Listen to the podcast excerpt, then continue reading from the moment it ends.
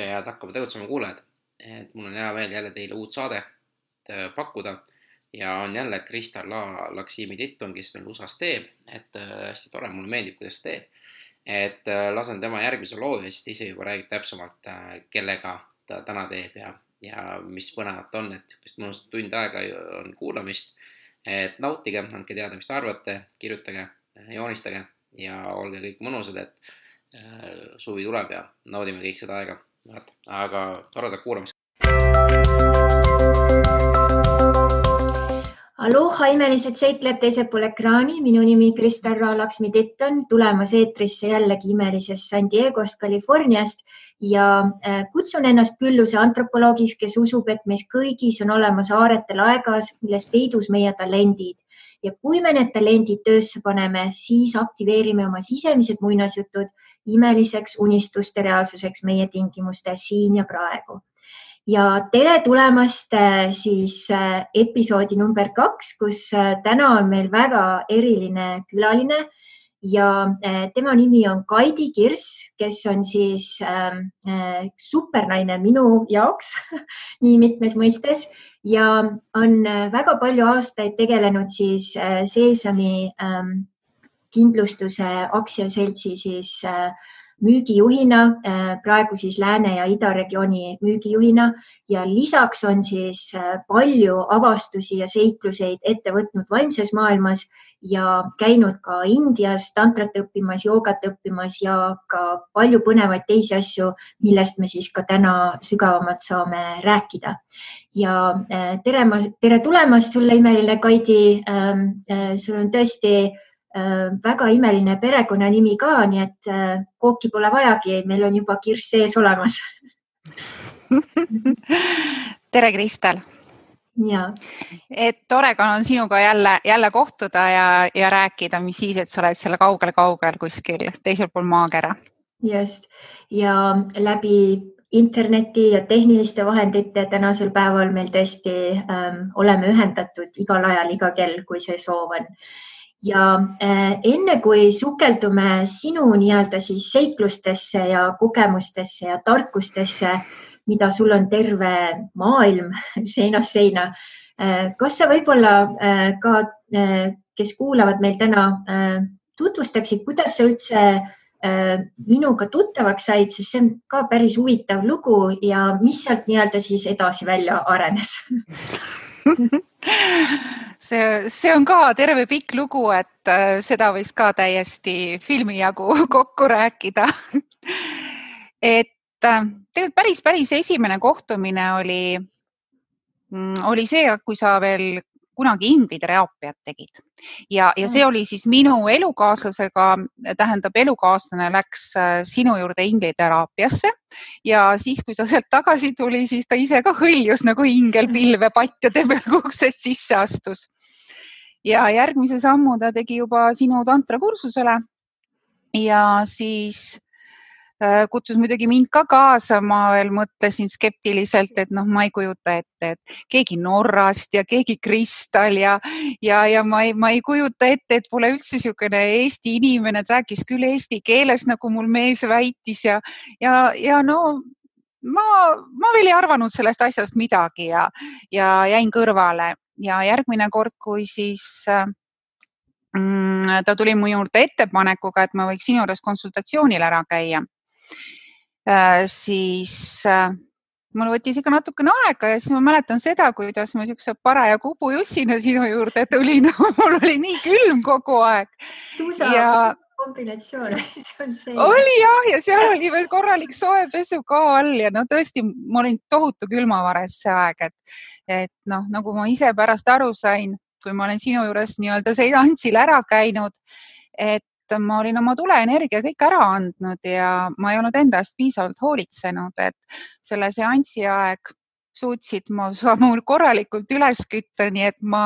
lõkendasin näost, mul oli pala, ma oleks nagu tõesti lõkke ääres istunud.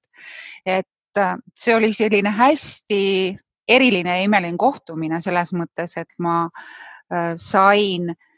kogeda sinu sellist äh, hästi tugevat power'it ja, ja samal ajal olla hoitud ja hoolitsetud nagu, nagu ema juures, et, et sa oled tõesti selline hästi hoidev ja, ja tähelepanelik hästi peenel tasandil.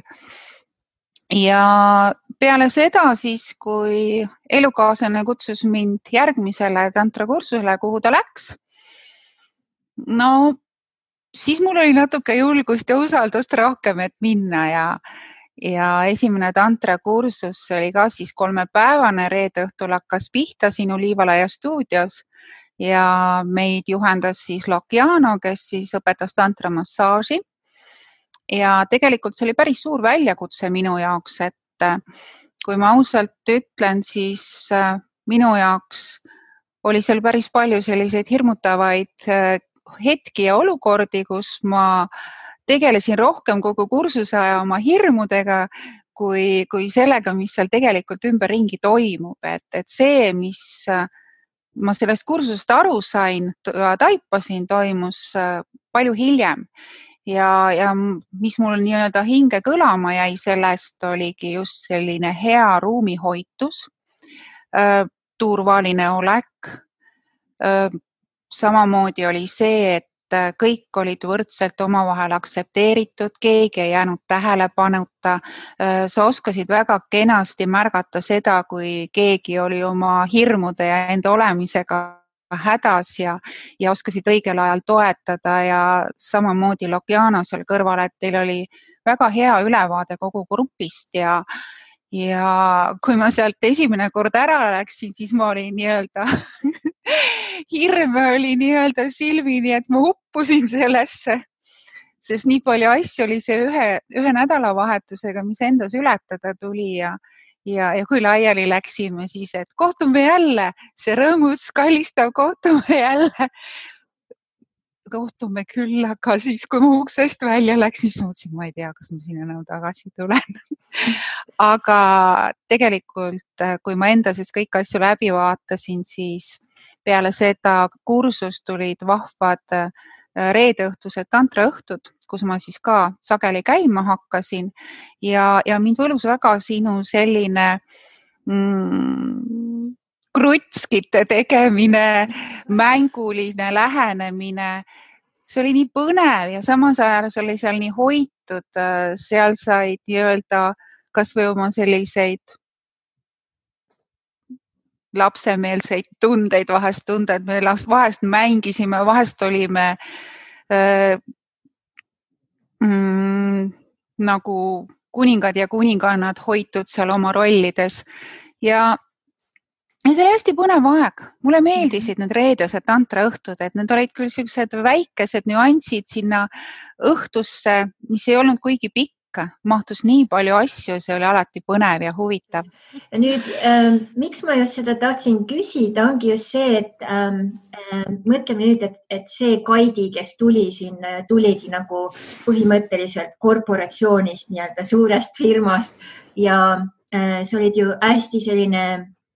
nii-öelda siis äh, oma nii-öelda kogemuste, oma tööga hästi ähm,, hästi nii-öelda siis pühendunud ja äh, see töö ja ka toimetamine, et sa oled hästi praktiline ja ka saad olla väga ratsionaalne ja nüüd tulla sealt maailmast siis sellele tantrakursusele, et see üleüldse vist lõi sul palju asju nii-öelda siis segamini vaiba alt ära? pigem pigem elu sundis mind äh, selliseid valikuid tegema, et kuna ma jäin kunagi, kunagi kahe lapsega üksipäini ja, ja siis ei olnud võimalik nii-öelda mm, oma äh, pere sissetulekut garanteerida sellisel kujul, et äh, kolm inim-, kolm inimest saaksid söönuks riided selga ja, ja, ja üürid ka makstud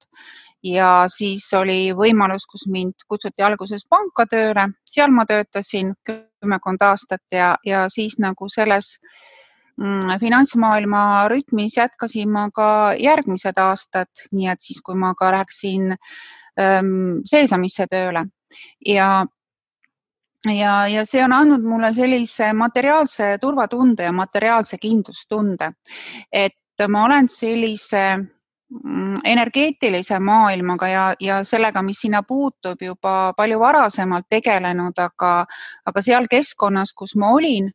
siis äh, seda ei aktsepteeritud ja see oli kuskile minu sisse sügavale ära peidetud, nii et, nii et see oli kuskil laekas peidus ja mhm. sellel oli võimalik tasapisi avanema hakata.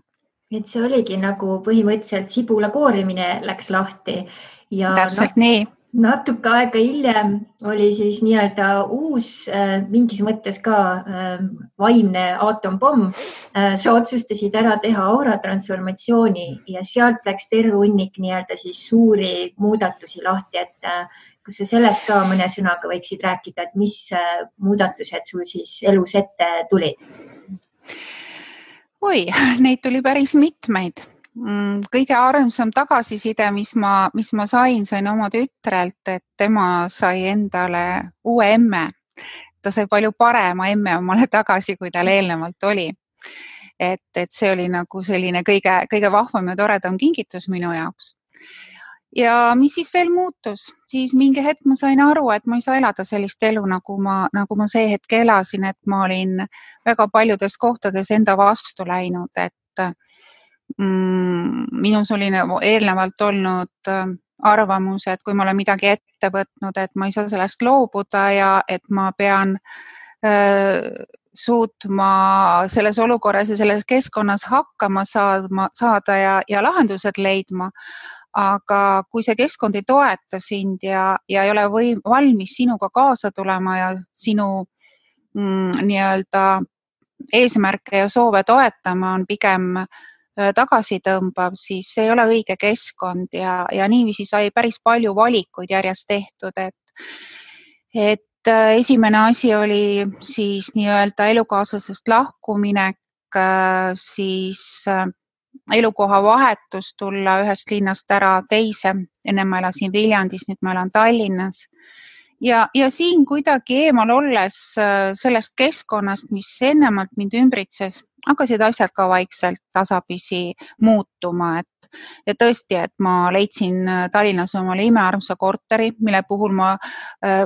ütlen ausalt, et äh, aura transformatsiooni läbides hakkad sa märkama ja nägema asju hoopis teistmoodi et äh, ma olin endas väga kaua aega unistust kandnud kodust, kus on maastlaani aken elutoas, kus on avar vaade, ilus, ilus loodus, kus on mul terrass. Äh, mul oli kindel teadmine, milline peab olema köök ja nii edasi ja nii edasi ja, ja kunagi ka mm, tee otsast mööda sõites, kus, kus just need majad asuvad, mõtlesin, et seal oleks nii ilus elada ja üks päev ja üks päev oli see mul kõik olemas. et jah et oli imeline ja, ja nüüd on mul ka uus elukaaslane ja meile väga kenasti mm. -hmm, väga lahe. nüüd äh, uued äh, avardumised ja need sibula koorimised, et nüüd natuke teeme seda veel sügavamalt, vaatame läbi. üks väga äh, huvitav avanemine ja järgmine nii-öelda siis äh, suurem plahvatus toimus äh, minu arust, kui äh, ma hakkasin tegema neid äh, Norra seiklusgruppe ja oma siis nii-öelda julge mõtlemisega mõtlen, et mina nüüd viin siis eestlased mäe otsa. Ja siis vaatame, mis seal head ja uut ja paremat saab ja äh, sina olid ka ühes nendest grupis siis olemas ja räägi natuke sellest katsumusest, et äh, mina ka ei teadnud, et sul oli sellega seoses päris huvitavaid protsesse, aga see avas jällegi ukse järgmistele seiklustele peale seda, et kas sa mõne sõnaga sellest saaksid rääkida? me olime vist päris esimene grupp, kellega, kellega sa käisid tookord, et äh, kui, kui me Norra läksime. et Ähm, see oli vahva, vahva reis, et unistus oli Norra minna ja, ja kuskile kõrgele mäe otsa saada ja täpselt see, mis Kristel üks päev rääkis, et tema nüüd läheb ja, ja, ja mina olin ka oma sooviga platsis, et kas, kas, kas, kas ma ka saan, et ma ka nii väga tahaks ja, ja see oligi selline esimene ühine seiklus ja esimene selline suurem teineteise tundmaõppimine tegelikult, sest äh, eelnevalt olin ma käinud äh, sinu korraldatud kursustel ja, ja sellega oli asi piirdunud, aga, aga siis me olime selline seikluse tiim kaheks nädalaks. ja see oli,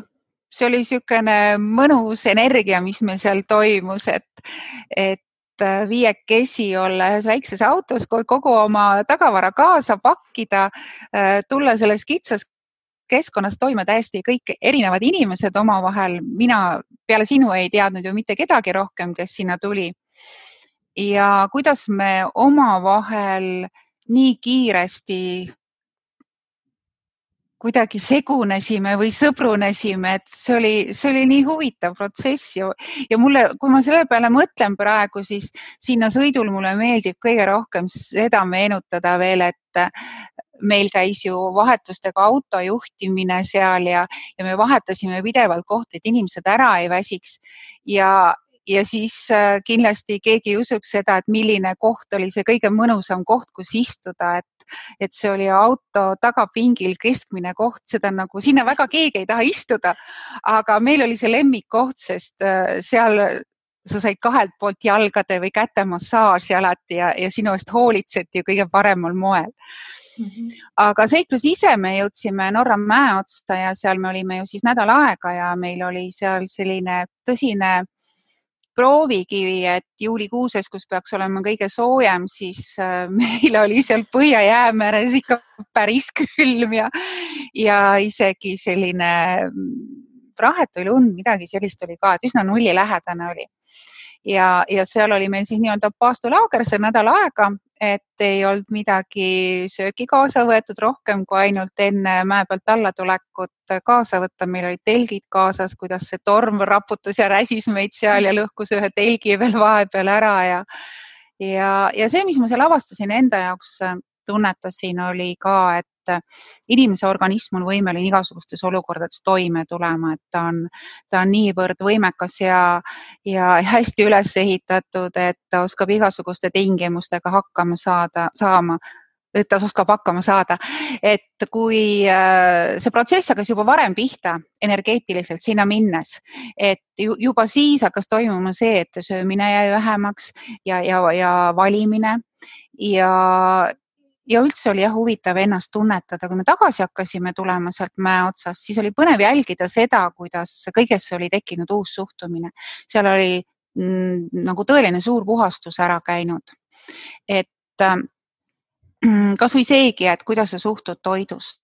et, et tegelikult sa ei olnud noh, mitu-mitu päeva midagi söönud ja, ja siis on sul nagu nii-öelda see eh, tagasituleku pidu oli, meil oli laud lookas, meil oli seal igasuguseid põnevaid häid asju ja me istusime seal taga ja tegelikult me vaatasime seda äh, lauda ja me ei tormanud midagi sööma, me mõtlesime ja tunnetasime alles, et kas meil on seda vaja ja, ja, ja mida sealt vaja on, et, et see oli niisugune omamoodi õppetund, et tänapäeva energeetilises, kuidas ma ütlen, seal oli see energeetiline maailm, aga tänapäeva ütleme sellises meedias, mis siin kogu aeg reklaamides, kuidas inimese meel mujale kistakse ja, ja ahvatletakse teda igasuguseid asju sööma ja tarbima. aga, aga seal oli see sul olid võimalused olemas, aga sa kasutasid seda minimalistlikult ja organism sai hakkama, et tegelikult ei ole elus nii palju asju vaja ja kõigest ei pea kinni hoidma ja, ja siis hakkasid need lahtilaskmised pihta, see puhastus toimus ära seal ja, ja siis ma olin arusaamisel, et mul on liiga palju seljakotte kaasas. et ma pean mõned maha jätma ja üks hästi lahe asi oli veel, äh, ma ei tea, kas sa mäletad seda, aga me ei rääkinud seal mäe otsas. ja oli... meil oli vaikuse kokkulepe ja, ja, ja see oli ka põnev protsess, et see häälemura oli, oli ära ja, ja suhtlemine käis äh, tõesti ainult siis äh, suunavates žestidega, pilguga või siis oli lihtsalt, meil oli üks telk, kus siis üks inimene sai täiesti omaette olla oma, oma templis nii-öelda ja oma mõtetega ja, ja tunneta seda üksi ja, ja vaikuses olemist, et see oli huvitav kogemus, et sellest võiks tegelikult päris pikalt rääkida mm. -hmm nüüd üks asi, mis äh, ma mäletan peale seda mingi aeg hiljem, kui sul tuli äh,, hakkas kasvama see idee minna Indiasse, siis äh, sa mainisid ise mulle ühes vestluses, et äh, kuule, Kristal, et ma ei oleks elus seda India asja ette võtnud, kui ma ei oleks sinuga Norra tulnud. et äh, kas sa räägiksid sellest seosest ja kuidas üldse see esimene kord tuli sul see idee Indiasse minna ja mis sealt nii-öelda välja tuli? Ma olin tükk aega otsinud omale joogat, mis on minu jooga, mis mulle sobib. ma olin käinud äh, mitmetes trennis, see oli seitse aastat tagasi ja, ja mul ei sobinud kuidagi see ühel puhul ega teisel puhul, midagi oli nagu minu jaoks, äh, midagi oli puudu. ja, ja kuna mulle meeldis tantra, kuna mulle meeldis jooga ja, ja siis ma tõesti panin Google'i otsingusse tantra jooga, kas on midagi olemas ja siis ma leidsin Indias Goas sellise astrami, kus oli võimalik tantra joogat õppida ja ma tundsin, et see on minu jaoks. alguses vaatasin ja tunnetasin seda ja, ja, ja see tunne läks järjest tugevamaks ja võimsamaks, et, et, et ma tahan, et ma tahan selle ära proovida, ma tahan sinna minna. et mõnede asjadega on niimoodi, et see on nagu ütleme, et sul on nii tugev tunne, no ütleme nagu uni on, et kui sa oled õhtul unine, siis ega sa võid seda magama minekut edasi lükata, palju sa tahad, ükskord pead ikka minema või nagu pissihäda, et noh, et ega sa ei seisa ja ajad riskida, sa võid küll oodata, aga, aga mingi hetk sa pead minema. Ja, ja täpselt seesama tunne oli minul ka. ja siis muidugi üks teema oli see ka, et neil töö juurest puhkust ei anta üle kahe nädala ja siis mul oli pikk vestlus oma juhiga et ma saaksin siis nii-öelda kuu aega ära olla. ja siis hakkas see päev kätte jõudma. Ja mis sa arvad, mis minu sees toimus? Siis ma ja siis kaks päeva enne seda, siis ma hakkasin kiruma ennast, et Kaidi, no mis asja sa endale oled korraldanud, kas sul ikka normaalne mõistus peas on, sa lähed üksipäini täiesti tundmatusse, sa, sa ei tunne mitte kedagi, sul ei ole ühtegi tuttavat ees. Äh, sulle lubati Ashramist lennujaama takso vastu saata, sa ei tea isegi, kus need asjad kõik seal asuvad ja kuidas minna ja sa ei tunne kohalikku keelt ja sa lihtsalt lähed, et kas sul on ikka seal kupli all kõik korras aga ma olen endale väga tänulik, et ma selle sammu äh, ette võtsin ja läksin ja kuna see tunne oli nii tugev, et ma pean sinna minema, siis, äh, siis oligi see õige koht, kuhu minna mm. -hmm ja nüüd, ähm, kas sa mõne sõnaga räägiksid ka eestlasele minna esimest korda Indiasse, et ma olen igasuguseid lugusid kuulnud, aga kuidas see sinu jaoks oli? Ähm, selles mõttes, et ma natuke uurisin ka, et äh, kus on turvaline käia ja kus on hea ja, ja siis ma sain aru, et Goa on Indias üks selline nii-öelda turistide jaoks kõige, kõige turvalisem piirkond. Ja mina muidugi olin ashramis, ma ei liikunud väga palju Indias igal pool ringi, et, et selles mõttes ma olin võib-olla sedasi rohkem hoitud nagu, nagu maal vanaema juures, et me ei olnud linnas, me olime maakohas. Ja selline täiesti isemajandav ökokeskkond oli seal, et kohapeal kasvatati toiduaineid ja täiesti turvaline, et äh, mingeid äh, kuritegevusi, mingeid selliseid asju ei olnud, mida, mida nagu aeg-ajalt on India kohta kuulda olnud ja mm, minu jaoks oli seal väga toetav ja sõbralik keskkond, üksteist hooliv, armastav. Äh, erinevused on võib-olla need, millega Indiasse mineja peaks äh, silmitsi seisma, on see, et äh, et siin sise, et väline puhtus ja klants ja, ja sisemine puhtus ja ilu on, on täiesti teistsugused mõisted seal kui siin, et et kui mina läksin ja see neli nädalat seal olin, siis esimene nädal ma mõtlesin küll, et issand küll, et kuhu ma tulin, et nii lihtsad need kodud, et sihuke krohvitud sein, et meil on ainult keldris sellise siseviimistlusega ruumid ja, ja nüüd ma pean kuu aega siin elama, et kuidas ma siin hakkama saan või kuidas ma ellu jään, et, et ma ei olnud mingisuguses äh, kenas hotellis, vaid see oli tõesti väga minimalistlik ja, ja, ja lihtne elupaik.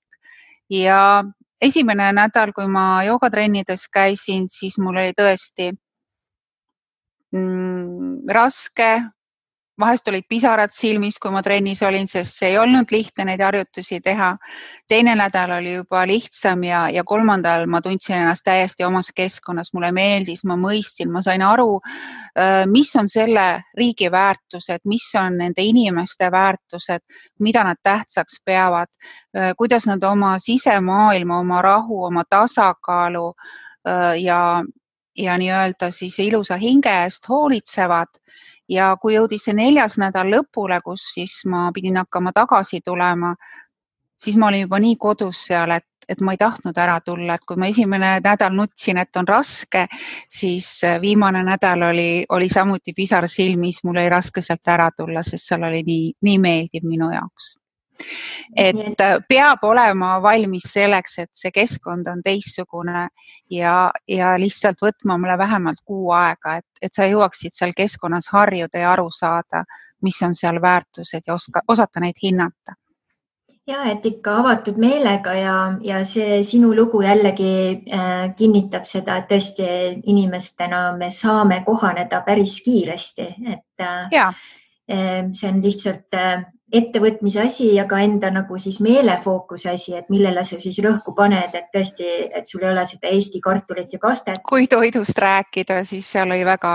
rikkalik ja väga maitsev ajurveeda mit, mitmekäiguline hommik, lõuna ja õhtu, nii et selles suhtes oli ka kõik väga hästi meil mm. -hmm ja just see, mida sa mainisid just, et äh, kui tuleb mingi selline sügavam tung peale, et vot nüüd ma pean minema või tegema, et minul on neid hetki tõesti ka hästi palju olnud, et äh, esimest korda, kui see Hawaii'le tulek tuli, et tõesti see tuli niimoodi peale nagu tõeline pissihäda, et no ei saa enam. Ja ükskõik, mis mõistus või väline maailm ütles, et nagu ähm, ei saa või mis asja sa nüüd unistad siin, siis äh, äh, põhimõtteliselt see tung, millele ma siis järgnesin, et just see sisemine naine ja intuitsioon see tegelikult hakkas sillutama seda teed, nii nagu sinul, et sa läksid ja rääkisid oma siis ülemusega, et kuule, et vot niisugune asi on, et nüüd lähen. Äh, teine ei oleks üldse läinudki rääkima, aga sina, et no ikka tung on taga, et peab tegema ära ja katsetama. Nii ja nüüd ähm, äh, sellised suuremad seiklused ähm, on väga lahedad nii-öelda siis võimalused meil äh, kasvada, äh, kasvada nii-öelda siis ka tolerantsemaks, äh, avardada oma maailma, näha, kuidas nii-öelda siis väline maailm toimetab, tulles tagasi Eestisse, perspektiiv on muutunud ja sa oled kindlasti hoopis teine inimene. ja äh, kui nüüd minna natukene, üks seiklus on veel, mis ma sinult tahan küsida, aga enne kui sinna läheme, ma tahaks natukene teha niisugust väikest peegeldust ähm, et äh, kas sa arvad ähm, just ka sellisel, äh, sellist tüüpi julgusel on seosed sellega, et sa oled tegelikult oma minevikus äh, tulnud läbi väga rasketest hetkedest. Ja kui inimene on selliste nii-öelda siis raskete hetkedega silmitsi olnud, siis tegelikult minu teooria on just see, et meil on kõigil nii-öelda siis julguse musklid ja need julguse musklid tegelikult noh, treeni, sa treenid neid siis kas alateadlikult või teadlikult nii-öelda siis järjest-järjest tugevamaks ja mingil hetkel ongi, et vot kui esimene kord tundub, et Norra on täiesti ületamatu asi, siis äh, järgmisel hetkel on India ja sealt edasi on ju siis äh, järgmised sammud, et ähm, kui sa vaatad nüüd tagasi oma minevikule, äh, kas sul on mõni selline raskem katsumus või kogemus sealt tuua meile näiteks ja mida sa sellest õppisid ja kuidas sa tunned just ka, et see on seotud siis selle julguse muskliga nii-öelda? jah, ma olen teinud selliseid äh, julgeid otsuseid varem ka ja, ja see on ka jällegi olnud niimoodi, et äh, et noh, olukord on juba niisugune, et umbes, et sa istud äh, tulisel pannil, et, et sul ei ole lihtsalt võimalik seal istuda, sest sa küpsed ära, et sul on vaja midagi ette võtta, et ja, ja see on võib-olla siis ka see jõud olnud, mis on liikuma pannud, et väga palju asju on ka varasemalt sellepärast tehtud ja, ja on liikuma ajav jõud olnud, et äh, kui ma pidin olema oma kahele lapsele ainuke lapsevanem ja mm, siis oled ikka nagu ema lõvi väljas, et sa leiad selle jõu, et kasvõi seegi, et kui ma äh, vägivaldse äh, laste isa juurest kahe lapsega kunagi ära tulin, siis oli ka paras julgustükk, sest ega mind ei jäetud väga pikka aega rahule ja ma talusin päris mitu aastat sellist äh, terrorit, mis, äh, mis mul siis nii-öelda eksmehe poolt tuli. et see oli ka paras julgustükk, et sellega hakkama saada ja, ja, ja sellest välja tulla. ja, ja ütleme ka, et kui on mingid sellised võib-olla siis mitte nii elu muutvad asjad, et mingid võib-olla lihtsamad hirmud on ees, et siis ongi see, et tuleb äh, võimalikult säilitada oma kaine mõistus, et sa ei satu sinna hirmuemotsiooni sügavale sisse, et sa oskad endas säilitada selle kaine mõistuse mm, ja mm, leida siis lahendused kuidas sellest olukorrast välja tulla, mis on kõige parem, mitte ainult hirmu tunda ja näha neid koledaid asju, et pigem lahendusi otsida. see on umbes nagu seegi, et kui, nagu sa, Kristel, tead, mulle meeldib ka mägedes suusatada ja, ja ka osad inimesed küsivad minu käest, et kuidas sa seda julged et see on ju nii hirmus siis äh, sellega on ju ka nii, et mul on ka hirmus ju alguses mm. -hmm. kui ma esimest korda Alpidesse läksin ja me Kondliga mäest üles sõitsime, siis ma täiesti mäletan seda tunnet siiamaani, kuidas see mäetipp tuli järjest lähemale ja kui ma allapoole vaatasin ja kus kuristiku kohal ma samal ajal olin, et kui kõrgelt sealt tuleb alla tulla, et hmm, mina vist küll hakkama ei saa ja siis, kui ma arvasin, et ma olen tipus, siis tuli välja, et see oli alles pool mäge, tõeline tipp oli kaks korda kaugemal ja, ja siis seal mäe tipus olles oli mul juba plaan valmis ja ma tulen sellesama kondliga alla tagasi, et mina ei julge. aga päästis mind see, et ei saa alati ka, kui sa võtad näiteks kasvõi hirmutav tundub mingisuguse pika eesmärgi endale ettevõtmine, kasvõi ütleme sealt hästi kõrgelt-kõrgelt mitmekilomeetrist rada mööda alla suuskadega tulla, siis jaga kasvõi see ülesanne juppideks, et seal oli ka, et, et siis ma tulin lihtsalt jupi kaupa, et mõned meetrid vaatasin järgmise teelõigu valmis, mõned meetrid mm. niikaua kui ma lõpuks olin valmis ka täiesti hooga, hooga lendama olla, et et ongi vaja ennast treenida, et, et on mitu asja, et hirmuga ei tohiks nii-öelda sinna hirmuemotsiooni sisse jääda äh,. julge lahendust leida ja, ja treeni ja täiesti nõus mhm. sinuga. jah, ja et suusatamisest äh, minu esimesed slaalomi kogemused olid siis Norra mägedes oma Norra kirjasõbraga kes äh, mõtles, et okei okay,, et ma viin su siis kõigepealt Lastemäe peale, tegime seal mingi viis-kümme minutit ära, ütles nüüd sa oled valmis, lähme. ja see mägi oli üheksakümmend, üheksakümmend kraadi alla ja põhimõtteliselt jää. nii et ähm, ma vaatasin, et ei, et see on jama värk ja, ja mingi kõrvalrada oli, aga seal olid muidugi suured sildid norra keeles, mida ma siis veel ei rääkinud. sealt alla ajama, vaatasin, et kedagi ei ole siin, et ei, et see on vist kinnine rada ja siis proovi nende slaalomsuuskadega tagasi minna sinna kohta, kus sa siis nii-öelda sealt alla hakkasid tulema. ma jõuan siis higisena sinna tagasi, minu see äh, sõber jõuab sinna, küsib, kuule, mis sa ikka veel siin või? mul on kõik mingi pullid otsa ees onju. ja siis järgmisel päeval ma põhimõtteliselt kael ei liikunud, sest ma olin lihtsalt sellises hirmu asendis, noh, nii-öelda pinges mm. -hmm ja kui siis peale seda ma läksin taanlastega äh, tagasi Norra suusatama, siis mu sõber, äh, Norra kirjasõber ütles, et ega sina nüüd algajaks enam küll ennast ei saa nimetada, et nüüd sa pane ikka medium juba mäed kirja onju. et äh, päris lahe. aga nüüd ähm, minnes tagasi ähm,, mulle väga meeldis see, kuidas sa just kirjeldasid seda protsessi ja sellest läbitulek ähm, kui meil on nüüd ka näiteks vaatajaid, kes on äh, ka võib-olla mitme lapse emad, on äh, vägivaldsetes suhetes, nii edasi, ähm, see protsess, sealt liikumine, väljaliikumine, äh, kuna meil on ka endal olnud palju kliente, kes on sellega siis rinda pistnud, ei ole väga lihtne. Ja kui sina hakkasid sealt välja liikuma, mis olid võib-olla need esimesed kaks-kolm asja, mis sa tegid siis välise mm. maailmaga suhestudes või muul moel, mis aitasid sul sealt nii-öelda siis välja liikuda, et see on väga-väga raske olukord väga paljudele. no kindlasti oli mul hirm, sest mind oli nii palju ähvardatud ja äh, nii verbaalne kui, kui verbaalselt kui füüsiliselt. ja aga ma teadsin, et kui ma sinna jään, siis, siis see lõpeb üks päev lihtsalt halvasti sest see ei muutu paremaks, sest läks alati hullemaks. ja minu lapsed on paremat tulevikku väärt, et olgu neil siis vähemalt ühe vanemaga, poole, pooliku perekonnaga äh, võimalik kasvada, et, et äh, ma ütlengi, et lapsed oli see jõud, kellele ma tahtsin oma nii-öelda paremat tulevikku luua, et, et see oleks sellist vägivalla värvi, et see oli põhiline liikuma panev jõud, et tuleb see otsus teha, kõige parem on muidugi, kui sul on lähedasi inimesi, kellega sa saad jagada seda, minul seda see hetk ei olnud võimalik sellisel kujul ja ja tuli kõikide nende asjadega enda sees hakkama saada, et äh, see ei olnud lihtne. Mm. aga tänapäeval on äh, võimalik pöörduda ka igale poole nõu saamiseks, abi saamiseks, et äh, mm, on igasugused äh, nõustajad olemas, et ma arvan, et tänapäeval on võimalusi päris palju, kus alustada, et kõige tähtsam on see sisemine otsus enda sees ära teha.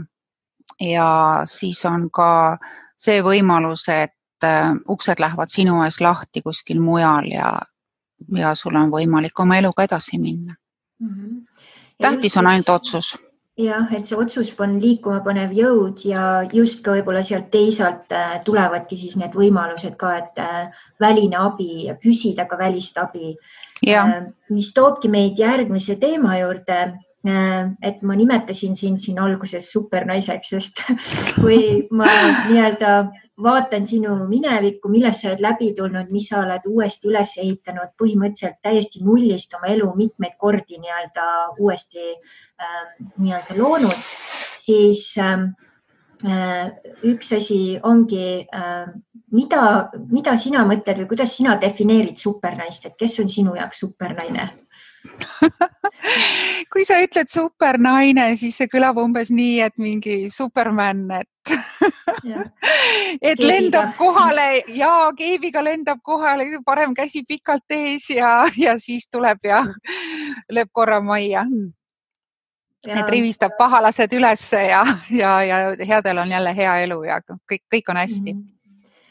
kuidas sinul on, et kui sa lähed kuskile olukorda, kus sa näed, et seal on segadus, ähm, kas sa oled ähm, selline supernaise tüüpi, kes võtabki juhtimise otsad enda kätte, et okei okay,, siin on vaja seda, seda teha, teeme ära ja paned nii-öelda need väed liikuma ja väed liiguvadki ja teevadki ära ja siis vaatad, oi, et mina alustasin selle protsessi, et äh, kas on midagi sellist? jah, tuleb tuttav ette küll, et, et kui, kui, kui sa näed, et mingi kamp on inimesi ja, ja nad ei suuda kuidagi toime tulla seal mingi otsustamise ja, ja, ja millegi asja korda tegemisena ja sa näed, et seal on lahendus olemas, siis, siis ma olen jah küllaltki niisugune lahendustele orienteeritud, võib-olla liigagi palju mm. ja, ja siis on ka, et viskad oma ideed üles, et siin saaks seda, teist või kolmandat teha ja ja siis nagu võluväel hakkavad asjad äkki toimuma, et, et inimesed haaravad sellest kinni ja, ja siis lõpuks vaatab, et ups, näe, saigi valmis. jah, just. ja see supernaine, see teine nii-öelda võib-olla varjupool, millest äh, mina olen hästi palju rääkinud ja sinuga oleme ka vestelnud, on just äh, see Eesti naise kurb lugu, kus tõesti mehed on kas ära võetud sõtta või küüditatud või teisel maal tööl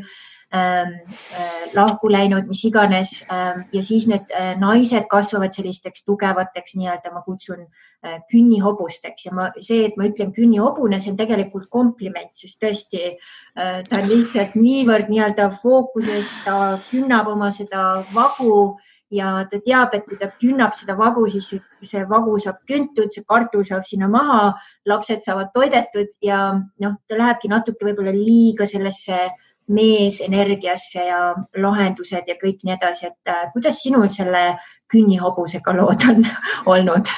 on, on täitsa olemas. et äh, mul on huvitaval kombel varemalt juhtunud sellised mehed kõrvale, kes äh, ei ole valmis olnud mehe rolli võtma ja, ja vastutama äh, pere tuleviku eest ja, ja pere hetkeolukorra eest ja, ja nagu ma olen niisugune, et keegi peab ju ohjad kätte võtma, kaua ma ootan, et midagi toimuma hakkab ja, ja siis ongi, et äh, eks mind ole kodus ka samamoodi kasvatatud, et äh, sa pead ise hakkama saama, ükskõik mis ka juhtuks ja, ja ega mul oligi juba lapsepõlves väga palju asju, et ega mul ei olnud võimalik äh, päris paljudel teemadel oma vanematega rääkida ja, ja arutada, kui mul mured olid, et ma ei saanud sealt abi sellisel kujul, nagu ma oleksin soovinud ja siis oligi, tuli enda sees need lahendused leida ja, ja tuligi hakkama saada, sest mulle öeldi, et äh, ära tule virisema, et, et katsu see asi ise korda teha ja, ja nii need äh, lahenduste leidmised alguse saanud ongi mm. -hmm. ja, ja ongi ka, et tõesti, et ma armastan ikka tihtipeale öelda, et ma saan hakkama, et isegi kui keegi tuleb abi pakkuma. Ja, ja siis esimest korda, kui ma nüüd oma praeguse elukaaslase enda käest küsisin, see, pakkusin mingit abi ja ta mulle siis nii-öelda vastu seda peegeldas, ma saan hakkama siis ma sain aru, et kui kole see tegelikult naise mm. suust on, et kui, kui keegi tahab sind aidata ja, ja sa tegelikult lükkad selle kõrvale, et sa oled harjunud ise seda atra vedama ja, ja, ja sa ei lase sinna nagu kedagi appi omale ja sinul tegelikult see protsess oli ka väga huvitav, et äh, mina, mina muidugi oma maailmarännakutega ka pritsisin sulle oma nii-öelda siis inspiratsiooni, aga just see kuninganna, kuninga teema oli minu jaoks tõesti niisugune väga müstiline ja väga niisugune põnev ja kui mina kohtusin Maikeliga siis äh, Mehhikos, see oli minu jaoks esmane kogemus siis üldse nagu kuninglikust mehest või siis mehest, kes tõesti on tõesti kahe jalaga mees maas, nii-öelda jalad maas. ja äh, kui ma hakkasin sulle ka peegeldama neid mõtteid just, et tegelikult vau, et äh, naiseks olemise üks teema ongi see kuninganna olla ja vahest on täitsa okei okay lasta ennast olla nii-öelda lill siis hakkasid vaikselt neid korjama üles ja, ähm, ja üks asi, mis äh, ma nägin ja tunnetasin sinu nii-öelda siis protsesside asjadega oligi põhimõtteliselt just, et üks on see, et lubada äh, siis äh, ennast aidata ja teiseks ongi see, et minna sellesse kuninganna energiasse kus sa lasedki nii-öelda siis äh, enda eest hoolitseda või siis sellel tugevusel välises maailmas tulla sinu ellu. Et äh, on sul selle kohta midagi kommenteerida? ma ütlen ausalt, et nii nagu sinu jaoks oli see selline müstika või muinasjutt, siis, siis mulle tundus ka, et selliseid, selliseid kuningaid ei ole olemas, et need on ainult muinasjutus ja siis, kui ma Maikelit kohtasin ja, ja sind koos nägin ja teie sellist koos ühist äh, toimimist ja, ja suhtlemist, siis see oli minu jaoks selline vau, kas nii ja. ka päriselt saab ja uste avamist on ju. ja et äh, ei ole vaja minna kohe, et kui sa tahad kuskilt uksest edasi minna, et, et sa kohe lähed ja avad, vaid oota, need uksed lähevad ise lahti, anna ainult võimalus, et see oli ka huvitav kogemus. kõik see -hmm. see nii-öelda hoolitsemine, see turvamine, ruumi loomine, see oli tegelikult müstiline kogemus, mis ma sain teiega koos olles mm. -hmm. seal oli hästi palju õppetunde minu jaoks mida selles äh, peremudelis või kodumudelis ei olnud, kust mina tulin. mida mhm. üldse nagu Eesti keskkonnas sellisel kujul ei, ei ole olemas mm. -hmm ja ongi, et tegelikult meil on kõigil võimalus siis äh, kõigepealt teadvustada, et vot need on need mustrid, kasvõi see künnihobune, et vot äh, ma ei taha olla enam künnihobune, et ma tahan nüüd see kuninganna olla. mis on need muutused siis, mida me saame nii-öelda siis valida ja nüüd ähm, äh, kui vaadata äh, seda kuningannaks kehastumist, äh, enne kui ma lähen järgmise küsimuseni, ma tahaks ka veel meenutada ühte lahedat äh, krutskit, mis ma sulle tegin aeg tagasi ähm,. see oli, ma ei mäleta, mingi tähistamine see oli, aga igastahes ma panin su autosse kõrvalistmele ja panin su silmad kinni. kas sa mõne sõnaga sooviksid jagada seda kogemust, mis, mis seal toimub? esimesena tulevad hirmud meelde ja mm, Kristel oli mulle äh, nii-öelda õhtuse ürituse organiseerinud, käskis mul õhtu vabaks teha ja ja siis, kui me kohtusime, siis mulle pandi silmaklapid, viidi mind kenasti autosse, avati uksed, hoiti turvaliselt, et ma oma pead ära ei lööks ja istuksin kenasti sinna. hoolitseti mu äh, eest igasuguse huvitava söögi ja joogiga, poputati mind kenasti ja lõpptulemusena me jõudsime teatrisse ja no ma ei kujuta ette, mis vaba need õhu vaba õhu teatrisse ma ei kujuta ette, mida need inimesed mõelda võisid ja mis pilkudega meid saadeti, kui,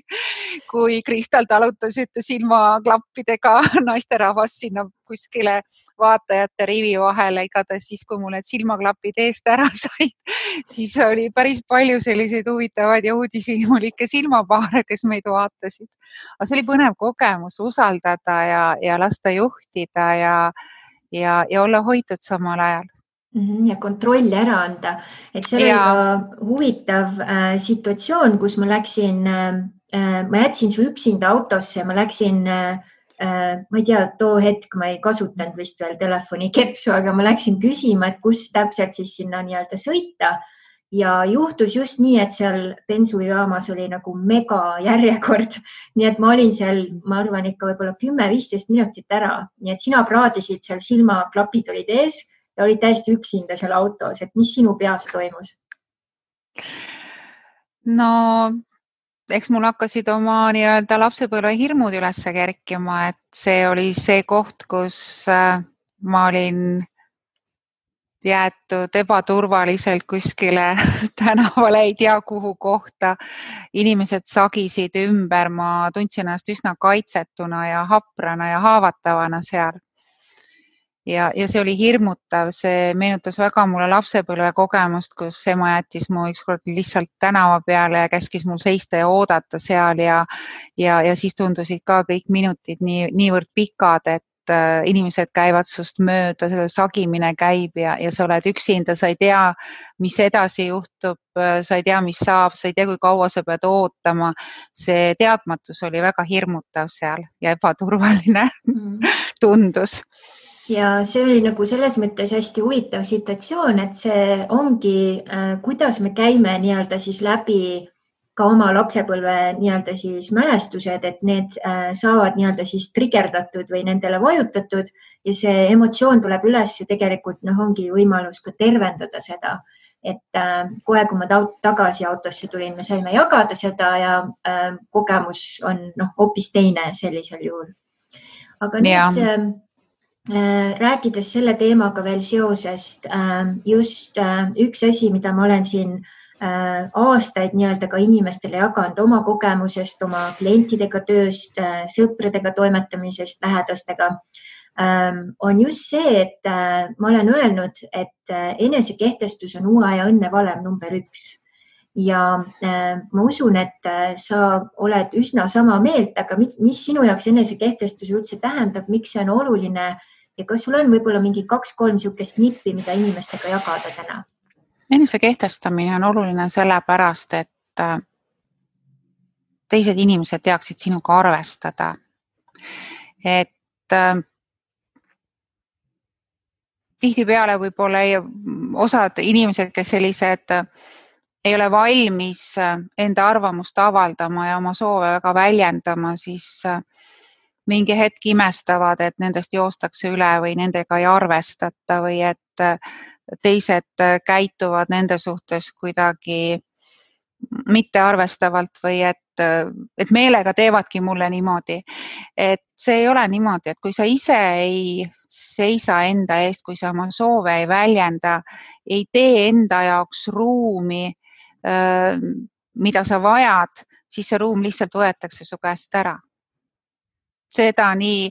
ähm, tavamõistes nii-öelda tavamaailmas kui ka energeetilises mõistes, et, et kui sa, kui sa tunned hirmu ja ei julge ennast avada ja sa pakid ennast kokku ja kasvatad omale niisuguse korraliku kilpkonna rüükaabel ümber, et äh, midagi mm, halba endale ligi ei lase ja midagi head ka ligi ei lase, siis Äh, siis noh, sul ei olegi võimalik ennast äh, kuskil nii-öelda kehtestama minna, et, et sa oled lihtsalt kaitsepositsioonis kuskil tardunud olekus ja, ja sa võid ju unistada, et, et sa tahaksid seda, teist või kolmandat, aga need asjad ei tule sinu juurde. kas sa arvad ka, et äh, üks esimesi asju, mida igaüks teha saab, on just õppida enesekehtestust seoses siis enda eest hoolitsemisega? ja sealt juba teised asjad tulevad loomulikult peale. jah, võib ka nii öelda, nagu kui ma vaatan nüüd enda sellist kujunemist ja õppimist selles osas, äh, siis minu kodus ei tohtinud mul olla mingeid tundeid, arvamust, et, äh, et siis ei osanudki ennast alguses väljendada ja tunnetada seda, mida ma tegelikult tahan. et see oli ära segatud äh, teiste soovidega, et mingi hetk ma ei saanud aru, et kas ma tahan seda ise või tahan ma seda sellepärast, et see, et see teistele paremini sobib. ja Äh, see oli üks niisugune teekond äh, enda sees avastamaks, äh, mis on tegelikult need minu soovid, kuidas neid väljendada ja, ja, ja kuidas siis endale teiste vahel ruumi teha, mitte et ennast kuskile toanurka võimalikult väikeseks kokku pakkida ja teistele ruumi jääda, jätta. psühholoogilisigi koolitusi või nõuandeid, mis on, et, et seda kutsutakse võimupirukaks, see võib olla ükskõik, kas on siis äh, töögrupis, sõprade vahel, pereliikmete vahel, et, et see ongi üks niisugune konkreetne pirukas ja, ja võimupirukas peab olema jagatud alati võrdselt, et mõlemal on võrdne osa. aga kui sina jääd oma soovidest tahapoole, sa annad ruumi teisele, see teine võtab järjest rohkem ja rohkem oma, oma nii-öelda pirukast ampse ja lõpuks sul jääb sealt lõpust raasuke ja siis hakkad sa väljendama oma Äh, nii-öelda rahulolematust, et äh, mulle ei sobi see olukord. näiteks mm, kaks inimest äh, saavad kokku, kõik on tore, ilus, hakkavad koos elama ja siis reede õhtul läheb näiteks mees sõpradega välja. sa aktsepteerid seda. laupäeval läheb ta kalastama sõpradega, sa jälle aktsepteerid seda ja ta hakkab käima niimoodi iga nädal ja üks päev saab sellel naisel hing täis, et, et temaga üldse ei arvestada, temaga üldse nii-öelda ruumi ei jäeta, aga ta ei ole seda kordagi väljendanud. Ja siis, kui ta seda väljendama hakkab, siis on mees üllatunud, aga alguses sulle ju küll sobis, et nagu, et mis siis nüüd juhtus. et see ongi see koht, kus sa lased selle käest ära. kui sa ei ütle seda kohe välja, mis sulle ei sobi ja, ja siis ongi, et siis hakkab see võimupiruka nii-öelda tükikaupa jälle tagasivõtmine endale, et see oleks kenasti võrdselt jaotatud, siis on rahu majas ja muidugi see pool, kes on alguses endale selle suurema tüki kahmanud, peab andma ka ruumi ja võimalust teisel kasvada ja, ja valmis olla oma soovide väljendamiseks, et see on nagu koostöö kui teine pool ei ole valmis aitama teist nii-öelda seda võimupirukas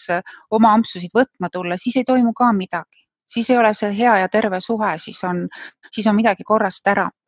Ja, ja kolm punkti on ka kindlasti, et kui üldse seda vestlust pidama hakata, et äh, kui millegagi rahul ei olda. esiteks tuleb enda jaoks selgeks teha see, et mm, kui sa lähed seda väljendama, siis seal ei saa sul sees olla tugevat emotsiooni, sa pead rääkima rahulikult faktidest. pead rääkima sellest, mis sulle ei sobi teise käitumise juures. Need faktid, mitte sinna panema juurde, et sa teed seda sellepärast või tolle pärast, vaid lihtsalt sa lähed iga reede õhtul sõpradega välja. teine asi on see, kuidas mina ennast sellest tunnen ma tunnen ennast halvasti, ma tunnen ennast üksi jäetuna, ma tunnen, et sa ei, et sa ei soovi minuga koos aega veeta või mis iganes see on. ja kolmas asi on siis see, mida sa tegelikult soovid. et kui need kolm asja on kenasti ritta pandud, siis on sealt võimalik juba edasi minna ja, ja ennast kehtestada. Need on minu teada ka sellised enesekehtestamise reegli kolm, kolm astet või kolm lauset mm. -hmm, väga hea ja üks asi ka, mis ma olen ise jaganud inimestega, et nendest protsessidest läbi minnes ja jagades teistega, mida sa vajad ja kuidas alati teha seda lahkelt, armastavalt ja sõbralikult, et äh.... absoluutselt, et seal ei tohi mingit süüdistamist sees olla, vaid see ongi selline avatud vestlus, aus avatud vestlus. ja, et ma alati toon selle näite, et äh, ka väike enesekehtestus, aga minu vanaemale meeldis alati küpsetada pannkooke ja siis noh, moosi ka ikka peale. Ja tavaliselt oli aias meil alati vaarikaid rohkem. Ja alati oli see vaarikamoos ja mulle absoluutselt ei meeldinud, siis kõik need äh, seemned jäid kõik hammaste vahele sinna kinni, onju ja siis, kuidas selgeks teha, et äh, kuule, vanaema, et äh, sinu pannkoogid parimad, maailma parimad, sinu moos maailma parim. Aga tead, mulle meeldiks hoopis maasikamoos, et äh, järgmine kord ma võtan ise maasikamoosi kaasa, aga täna ma lihtsalt söön mee või suhkruga, onju, et äh, väga lihtne. Ja sellisel juhul ma usun, vanaemal pole, pole nagu probleemi, ta saab aru, et ei solvu selle peale ja mina kehtestasin oma vajadust maasikamoosi järele et lihtne. hea näide. just, et äh, ma tahaks äh, hästi kergelt puudutada äh, just seda teemat, et äh, sa oled nüüd nii-öelda siis tavatööl, põhitööl ja kõrvalt oled sa hakanud arendama siis oma vaimseid äh, projekte ja asju äh,. praegu on sul siis äh, sinu uus beebi energialaegas, väga põnev ja eh, kui nüüd keegi ka praegusel hetkel näiteks põhitöö on kas siis miinimumi peal või on täiesti ära kadunud ähm, või on ikkagi nii, et on nagu hästi palju on seda põhitööd ja sealt kõrvalt nii-öelda siis alustada vaimse projekti või vaimse siis teemade äh, pakkumisega, et nagu sinul on siis jooga ja sa teed veel teist väga põnevat asja, milleks on jalgade massaaž. Äh, et sellest võiksid ka mõne äh, sõna rääkida et kuidas seda just seda algusprotsessi sina nagu soovitaksid, et äh, mõned inimesed hüppavad kohe pea ees sisse, osad on äh, ikkagi natu, natukene siis pelglikud ja, ja seal on noh, palju erinevaid asju, mis sellega seoses üles tuleb. kuidas sinu kogemus on olnud? Ega minul on see ka päris pikk protsess olnud, et eks ma siin olen niimoodi vaikselt, äh, vaikselt nuka taga toimetanud neid asju, et ega mul ei ole ka kuidas ma ütlen, äh, sellist suurt promotööd enda puhul tehtud, et pigem ongi palju tutvusringkonnas ja, ja nii-öelda soovituslikult äh, tulnud minu juurde kliente, kellega ma olen tegelenud ja, ja teenust pakkunud ja endas, endas selles suhtes tugevamaks paika ja kindla, kindlamaks saanud. et nüüd ma lihtsalt tundsin, et Äh, mul on vaja sellesse valdkonda rohkem pühendada, et paremini oma elu taga, tasakaalus hoida, sest kui ma teen nii-öelda sellist väga mõistuspärast tööd, siis on vaja ka kuskilt poolt nii-öelda see harmoonia leida ja, ja, ja see oli, mis mind sundis sinna mujale panustama mida nõu anda, ma ei oskagi seda öelda, et see on jälle niisugune tunne, et nagu, nagu uni tuleb peale või nagu pisihäda, et, et teisiti ei saa, et ja et tuleb mhm. ära teha, et kui sa hakkad endale ette kujutama, et oh, et praegu on nagu väga-väga lahe ja popp aeg igasuguste jogade ja muude vaimsete tegevustega tegeleda, et ma tahan ka olla keegi, keegi niisugune, et siis need asjad ei hakka toimima, et see peab ikkagi tulema sellise pissijad annab peale ja mhm. siis, siis hakkavad asjad liikuma, sa leiad õiged lahendused ka, et, et see ongi, et kui sul on see tugev tahtmine, äh, siis sa leiad ka vastused, kuidas ja mismoodi ja mis sammudega edasi liikuda, et minul oli näiteks kasvõi seegi pool, et ähm, mul ei olnud võib-olla tõesti sellist äh, kindlat, turvalist, äh, tugevat kuningat kõrval eelnevalt, kelle kõrval ennast ma oleksin valmis äh, pühendama ka nii selgesihiliselt muudele asjadele, et temaga on väga hea koos kasvõi nõu pidada nendel teemadel, arutleda ja, ja see on hästi suur toetus ja motiveeriv tugi minu jaoks. Ja siin ka kindlasti otsus ähm,, sest ma mäletan äh, vist, kas oli äh, nüüd see eelmise suve retriit, mis me Maikeliga tegime, just see sisemise pere retriit, sealt läks nagu sul ka nagu niisugune väike puust tuli, et nüüd tuleb ikka järgmine samm ära teha, et senimaani olid natuke ikka niimoodi äh, ei liha ega kala, aga siis käis niisugune pauk ära ja siis asjad läksid liikuma, nii et äh, nüüd on inimestel tegelikult täitsa võimalik ähm, Eh, tulla nii-öelda, sul on täitsa seal ka väike juba siis vastuvõturuum äh, tekitatud ja nii edasi. ja kas ja. sa räägiksid äh, mõne sõnaga nüüd, mida kujutab endast jalgadega massaaž, et äh, esimest korda, kui sa rääkisid sellest mulle, see tundus täiesti utoopia, samasugune nagu umbes äh, mul on äh, Mehhikos üks sõbranna, kes äh, loeb varbaid äh, nii nagu on käte lugemine nii-öelda või käejoote lugemine, tema lugeb, loeb varbaid ja, ja minu jaoks tundus see nii müstika ja siis sa tegid selle, katsetasid mu peal ära ja siis ma olin nagu oh my god, ma tahan veel, tahan veel. et kas sa räägiksid, kuidas sa selleni jõudsid ja, ja mis see endast kujutab? Jalgadega massaaž ongi see, et seda massaaži teostatakse ka ainult jalgadega ja, ja see on selline pooletunnine tasakaalustav massaaž. jalgadega saad suuremat, nii-öelda tugevamat survet anda teatud kohtadele kui kätega, aga et kus ma selle leidsin või? ja et mis see nüüd tähendab, et kui jalgadega, et äh, just, et proovi nagu inimestele selgeks teha, sest mina ka alguses aru ei saanud jalgadega, et mis mõttes, et istud maas ja siis nagu, aga täiesti. ma nagu, ja masseeritav äh, lamab matil põrandal, mina seisan püsti ja trambid seljas. Ei no nii hull ei ole, ma arvestan ikkagi kliendiga ka, see on vastastikune suhe ja, ja, ja arvestav, et, et ma ka väga jälgin, et ma kliendile liiga ei tee, et et see jalaga astumine on selline paras surve, et, et kus on vaja, teen, teen varvastega mudimist, kus on vaja, siis, siis astun lihtsalt jalad alla, aga et see on nagu jalataldadega ja jalatallad võivad olla, olla tõesti sama tundlikud kui käed ja sõrmed, nii et ma üldse ei imesta, et varvaste lugemine ka olemas on. ja sa nagu astud tegelikult niimoodi, et äh, noh, sa tead, kus on nii-öelda siis ka turvaline astuda, et sa ei astu nii, et seal teisel kondid nii-öelda äh, ja, ja kindlasti nii et õige, õige surve peab olema, et ja ütleme ka, et kui on mul püsikliendid ja, ja käivad minu juures, siis äh, nende tunnetus on ka iga päev erinev, et üks päev nad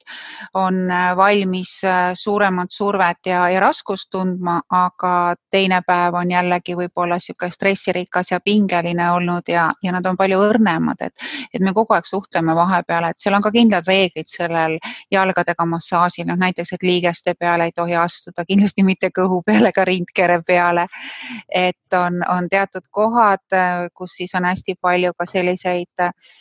mm, Ayurveda järgi ka siukseid äh, stimuleerivaid punkte nagu jalad alla peal, millega üldse siis massaaži alustatakse ja nii-öelda organism üles äratatakse, et et nende mõjutamine ja see aktiveerib kogu keha, et, et see ongi hea selline hommikune massaaž. et õppisin seda sealsamas Indias jooga äh, ashramis ja see oli meie igahommikune, igahommikune selline tore päeva sissejuhatus, et et see hoiab kenasti skeleti paigas, lihased toonuses niimoodi, et sul on energia käib ja, ja sa saad sellise mõnusalt palju sirgema seljaga päeva alustada ja peale selle sa pakud veel mingeid äh, lisavaimseid äh, teenuseid, et kas sa mõne sõnaga mainiksid neid ka, et mida sa veel pakud?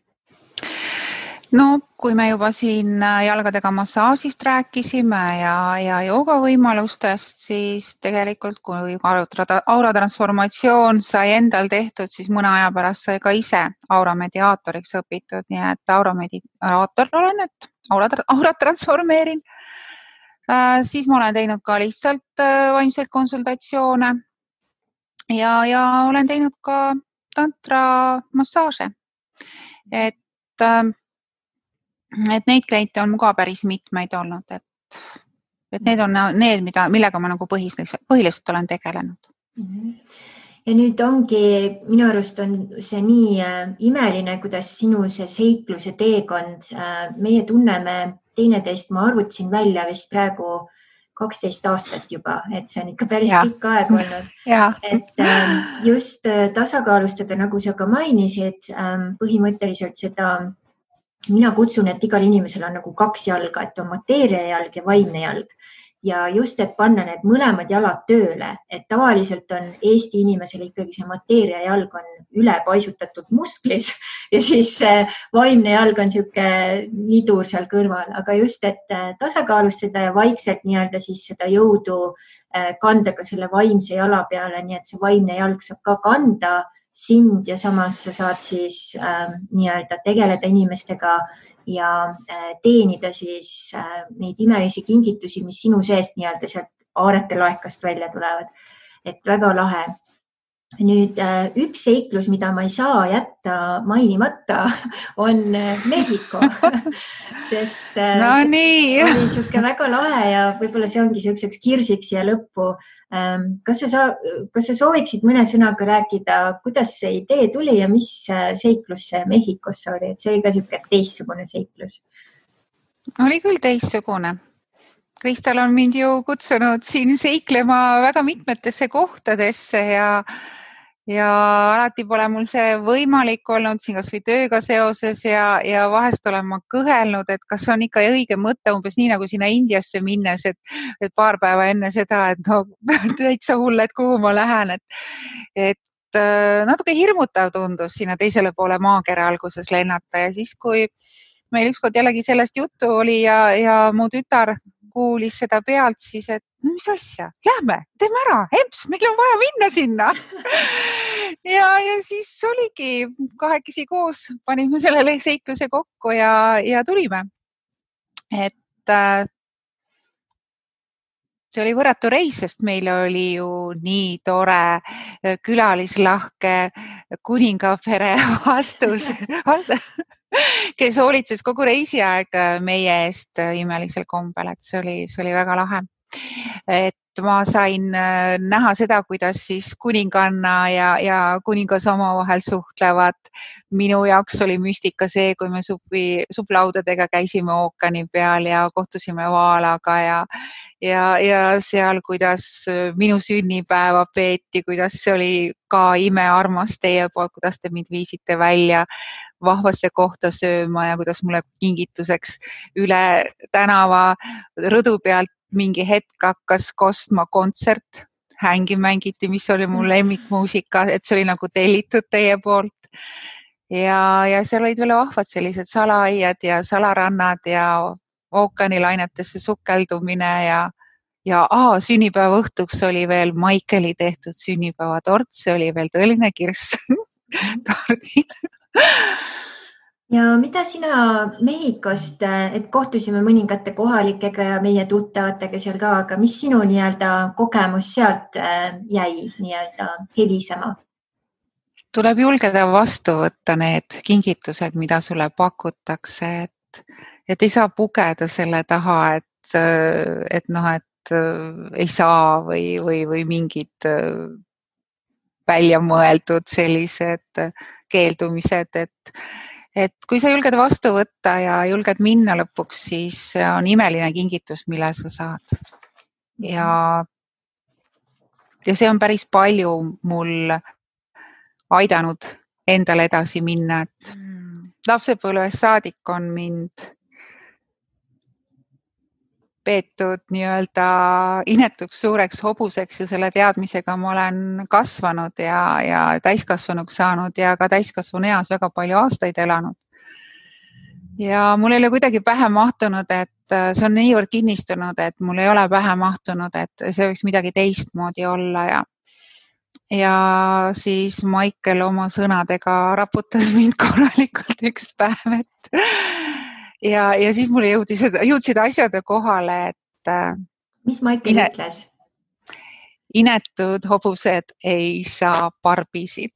et endal on nii ilus tütar nagu Barbi, et ei ole võimalik, et ema saab vähem ilus olla mm. -hmm, väga lahe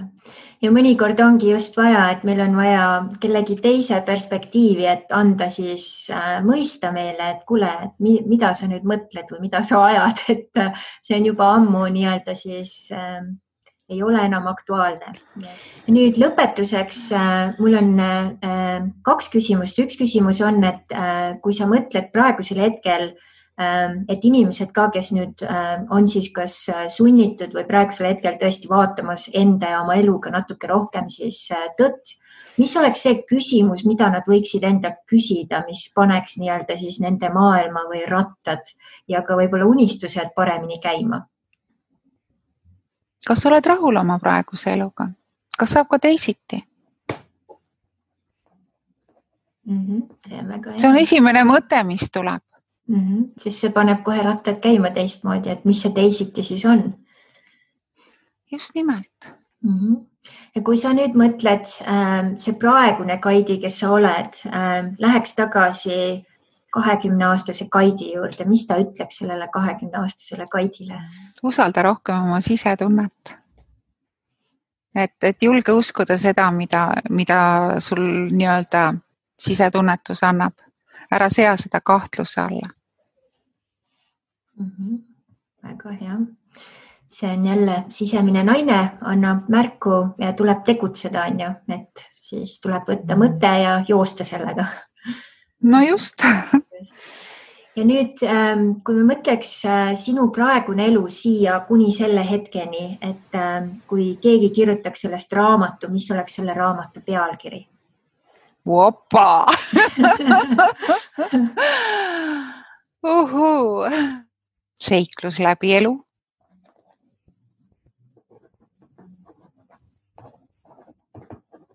kus iga päev on avastusi täis mm. -hmm. muidu läheb juba liiga pikaks, tegelikult see raamatu pealkiri peab olema niisugune lühike ja tabav ja aga mul ei tulegi praegu niisugust mingit paremat asja meelde, järelikult see, mis esimesena tuli, ongi õige mm. -hmm. kas ma võiks seda täiendada lase käia Kirsi seiklused läbi elu sobib mm. -hmm. väga lahe et äh, kohe kutsub lugema, et äh, väga põnev raamat, mul käpad värisevad, kohe ei saa jätta lugemata. ja nüüd, ähm, kui me võtame otsad kokku ähm, ja inimesed satuvad seda vaatama, äh, kas on midagi, ähm, mida sa veel lõpetuseks ütleksid või neile südamele paneksid, et mis on nagu väga oluline praegusel hetkel just nii-öelda siis meeles hoida? hoida oma lähedasi ja nautida seda kvaliteetaega, mis meile on antud. meile on antud aeg hetkel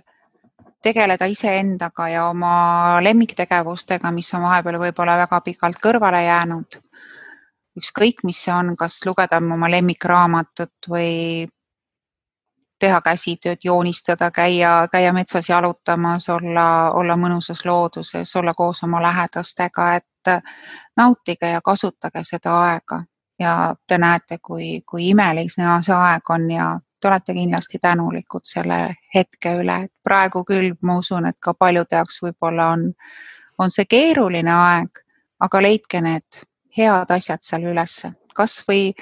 küpsetage koos õhtul, pühapäeva õhtul kooki ja, ja nautige terve perega, ka see on, mis, mida väärtustada. muidu mhm. igapäevases rutus ei ole aega ennast tähele panna ega teisi ka pigem siis jah, mitte panna fookus sellele, mida praegusel hetkel ei ole, vaid just, mis on ja võimendada Täpselt. seda veelgi siis ja tähistada koos. ja äh, ma võib-olla isegi tõmbaks seda veel äh, sellisel kujul nii-öelda kokku, et äh, ma usun, et see aeg on meile kõigile praegu tulnud meelde tuletama, et tegelikult ennast esikohale panna ei ole patt. Ähm, see on tegelikult äh, asi, mis võiks olla meie kõigi harjumus sest äh, kui me paneme ennast nii-öelda sõbralikult lahkelt ka teisi arvestades esimesele kohale, siis me oleme ise paremad inimesed ja läbi selle saavad ka teised inimesed meie ümber osa sellest meie paremast minast, et, äh, et. Olen sinuga täiesti nõus. just, et niisugune väga hea meeldetuletus, et uh, uutmoodi siis ka seda kvaliteetelu luua ja kui nüüd inimesed soovivad rohkem sinust lugeda, äh, kust nad saaksid äh, lisainfot? ma olen alustanud äh, esimeste kirjutistega